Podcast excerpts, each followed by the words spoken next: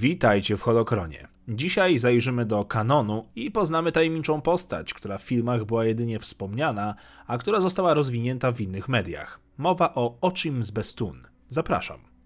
Urodzony na planecie Bestun w 19 roku przed bitwą o Yavin, Ochi rozpoczął swoją karierę jako zabójca Jedi podczas wojen klonów. Szczycił się też tym, że był przy okazji też łowcą relikwii Sithów i bardzo sympatyzował z ciemną stroną mocy, choć sam nie potrafił jej używać. Nie przeszkadzało mu to jednak, by mordować Jedi.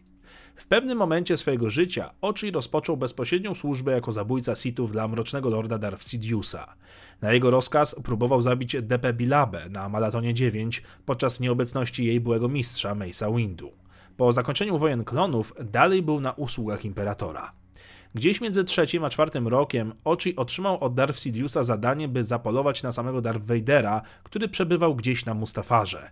To zadanie miało tak naprawdę być treningiem dla samego Vadera, by jeszcze bardziej zbliżył się do ciemnej strony. Ochi szybko wdał się w krótki pojedynek z Vaderem, który z rozkazu Imperatora nie mógł używać mocy. Mimo to pokonał Ochiego, ten jednak nie pisnął ani słowem o Imperatorze i wkrótce przechytrzył Vadera, który kontynuował swoją bolesną lekcję na planecie. Ochi wyszedł więc z całego pojedynku prawie bez szwanku. To jednak nie koniec ich wspólnych przygód. Krótko po tym, gdy Vader zbiegł do jaskini w stronę wzywającego go oka pajęczego bagna, Ochi napawał się swym domniemanym zwycięstwem w walce. Sitański zabójca uważał, że zwarcie, jakiego dokonał w panelu zbroi Mrocznego Lorda i zabranie jego miecza w 100% pozbawiło go szans na przeżycie. Vader oczywiście przeżył i zdobył przy okazji wiedzę o planecie Exegol.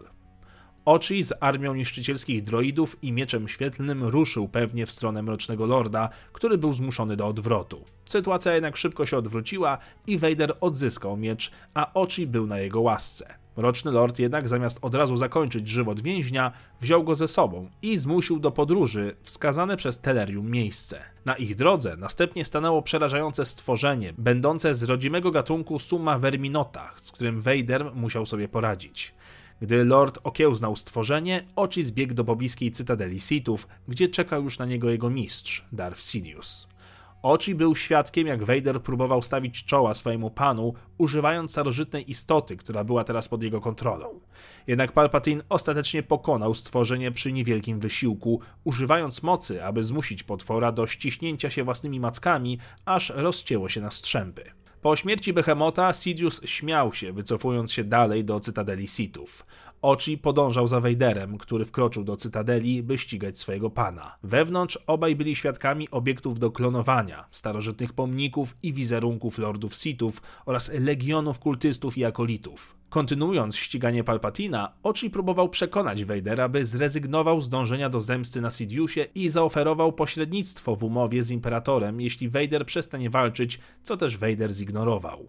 Idąc w głąb cytadeli, Vader i Ochi odkryli jeden z największych sekretów Imperatora potężną flotę gwiezdnych niszczycieli, w której każdy ze statków posiadał niszczycielskie działo. Gdy dotarli do serca komnaty, odkryli sekret planety. Szczyt podziemnej góry był wykonany z kryształu Kyber.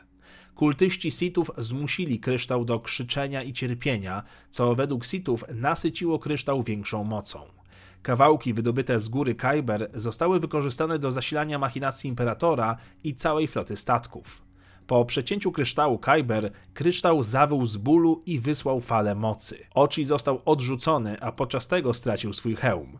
Popełnił wtedy zasadniczy błąd. Spojrzał na rozżarzony, krwawiący kryształ Kyber, który natychmiast wypalił jego wzrok. Kiedy wrócili na Korsent, Ochiemu zostały wszczepione cybernetyczne wizjery, aby mógł dalej widzieć. Mimo tych wydarzeń został na usługach Imperatora, będąc też niejako pod władzą Vadera. O ich przygodach dowiecie się z komiksu Vader z 2020 roku. Inne jego przygody poznacie w książce Shadow of the Sith, która, mam nadzieję, za jakiś czas doczeka się również polskiego wydania. Końcu Ochi dostaje zlecenie na znalezienie rodziców Rey, jednak jego misja zostaje banalnie, wręcz groteskowo przerwana. Jego speeder ulega awarii, a sam Ochi ląduje w ruchomych bagnach.